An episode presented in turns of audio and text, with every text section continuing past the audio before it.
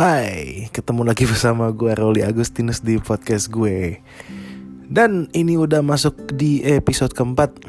Kayak janji gue yang di episode 3 kemarin Gue mau ceritain gimana sampai gue akhirnya menemukan satu dokter yang gue trust banget sampai sekarang. Dan informasi ini gue rasa penting sih ya buat uh, buat lo yang lagi punya penyakit yang kayak gue dulu alamin gitu anxiety jadi kenapa menurut gue penting? Karena gini dulu gue sempet berobat ke kalau dihitung lebih dari 20 dokter lebih lah gue gue lupa berapanya. Tapi 20 dokter lebih semua dokter umum gue datengin. Dan gue nggak mau ke dokter spesialis. Lo tau kenapa? Kalau dokter spesialis kan dia nggak mau berdasarkan diagnosa langsung gitu ya. Dia maunya cek darah cek ini MRI gini gini. Dan orang anxiety itu paling takut kayak gitu. MRI gitu kan MRI kan buat ngecek kalau kan kita sering kelayangan tuh. Sering kelayangan kelayangan gitu. Iya kalau MRI kan udah udah mengarah-arah ke kanker otak lah tumor otak. Ini amit-amit. Dan gue paling takut ke dokter spesialis gitu. Jadi gue berkelana di dokter-dokter umum hampir 20 dokter lebih yang gue datengin. Dan uh, dokter kan diagnosanya beda-beda ya. Ada yang bilang gue yang tadi pertama ibu dokter tadi darah tinggi. Oke okay. emang waktu itu pas tensi darah tinggi gitu. Terus ada yang bilang gue GERD. GERD itu gue GERD emang penyakit lama gue sebelum kejadian ini emang gue ada GERD gitu Oke, itu mungkin uh, bisa juga jantung gue berdebar karena GERD itu ya masuk akal lah. Uh, macam-macam. Ada dokter yang uh, apa namanya uh, panik gitu. Di, di, pas di gue di tensi 140 per 90 aja dia udah panik gitu kan. Sampai apa? Suruh balik lagi seminggu. Akhirnya gue turutin balik lagi seminggu. Masih tetap segitu. Terus uh, dia panik kan kalau orang anxiety dokternya aja panik apalagi gue gitu kan.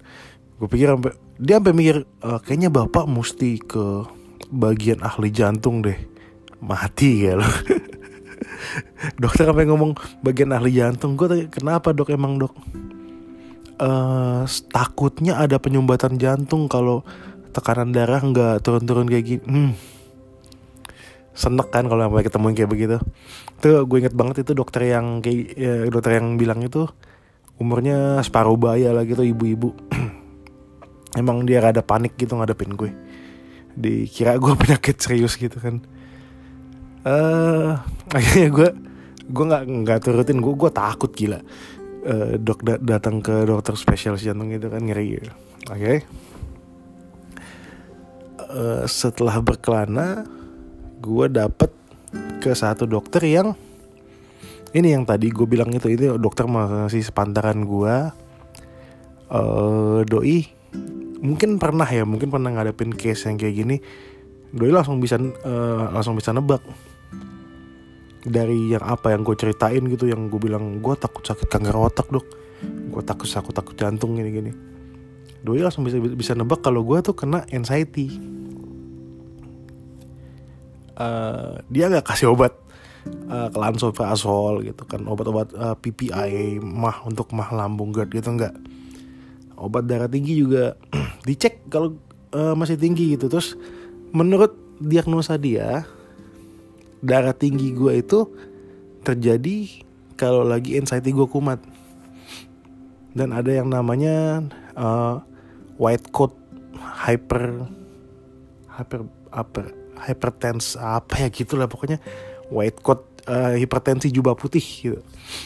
Jadi gue mungkin tipe orang yang kalau di tempat dokter itu darah gue tensi pasti tinggi karena gue ada punya penyakit anxiety kayak gitu. Nah beliau uh, punya diagnosa kayak gitu. Makanya dikasih coba. Gue dikasih obat penenang. Aneh ya jadi keluhan gue sakit jantung eh berdebar-debar darah tinggi kelayangan gitu. Dan dia cuma kasih obat penenang. Namanya alprazolam. Uh, itu kalau nggak salah dulu dia kasih yang kecil 0,25 miligramnya. Gue coba balik pulang ke rumah. Terus lu tahu apa yang terjadi? Gue lagi kumat gue minum itu tek 15 menit gue sembuh. Gila gue bilang wow. Berarti bener bukan badan gue gitu. Tapi pikiran gue emang lagi kayak orang stres gitu. Dan mulai dari sana uh, gue balik lagi ke dokter itu. Bener dok. Mau sembuh dok. Saya minta obat yang banyak. Eh tunggu dulu kata dia. Ini obat nggak boleh ketergantungan gitu. Jadi uh, saya coba mendiagnosa uh, kalau kamu tuh bukan sakit fisik. Dia bilang gitu kan ini ini mental akhirnya dia kasih rujukan ke psikiater gitu kan. Uh, oke okay lah akhirnya gue jalan ke psikiater dapat psikiater uh, gue berobat selama enam bulan dan di situ kondisi gue udah mulai membaik ya cuman ya masih ada psikiater juga dikasih obat yang sama sih alprazolam itu tapi ada obat kontranya untuk mengatasi ketergantungan dari alprazolam. Namanya hmm, Brintelix kalau nggak salah ya. Jadi Brintelix itu obat yang buat mutusin ketergantungan lu sama alprazolam. Harganya mahal. Itu satu stripnya 750 ribu dan gue itu dihabiskan selama 14 hari. Dan berarti sebulan itu 1,5 dan gue harus berobat selama 6 bulan minum obat itu. Gila itu mahal banget. Tapi ya mau gimana lagi kan? Gue jalanin uh, akhirnya membaik uh, tapi nggak 100% sembuh. Uh, ya which is berkurang dikit-dikit lah. Bahkan sampai hari ini nggak bener-bener 100% gue udah oh gue bebas anxiety. Nggak gitu. Kalau ada sesuatu yang mengganggu gue bagaimana gue bisa kumat tiba-tiba. Uh, tapi uh, gue udah udah nggak berkelana ke dokter mana-mana. Pokoknya gue kalau gue lagi sakit apa pun ya apa pun nih gue flu gue uh, apa sakit kepala lah apa. Gue selalu ke do dokter yang mendiagnosa gue anxiety disorder itu. Bahkan dia sampai bilang e, kamu tipe orang yang uh, anxiety-nya ini mesti ditenangin sama dokter yang tenang gitu. Jadi jangan sekali-sekali ngukur tensi di tempat lain selain tempat saya dia bilang kayak gitu. Bukan bermaksud dia mau komersil enggak ya cuman kalau menurut gue sih dia nggak mau kalau gue ke tempat lain malah jadinya pikiran gue ke mana-mana gitu ngaco itu dokter panik belum tahu case gue kayak gimana. Akhirnya malah jadi mubazir ya kan? Jadi gitu. Jadi semenjak gue ketemu satu, satu dokter ini ini di daerah Bekasi ya. Uh, ya gue nggak usah sebut namanya. Jadi lu nggak usah mesti ke dokter itu gitu kan cuman uh, saran gue cari dokter yang hmm, ngebuat lu tenang ngebuat lu tenang bagus-bagus lagi kalau dokter itu tahu lu anxiety disorder gitu. Uh, jadi kalau kalau lu mau tahu kontaknya dokter itu boleh di Instagram gue, di DM gue aja. Nanti bakal gue kasih tahu. Lu bisa ke sana kalau lu ngalamin kasus yang sama kayak gue gitu. Yup, saran gue itu aja. Jadi kalau uh, lebih baik lu jangan berkelana ke dokter. Lain-lain, lain-lain gitu. Banyak dokter cukup satu dokter aja. Yang lu rasa lu percaya. Saran gue itu. Yang lu rasa lu percaya lu nyaman. Diagnosa dia tepat. Kalau perlu lu kasih tahu. Lu ada di apa kayaknya saya anxiety disorder nih dok gitu. Bener apa enggak?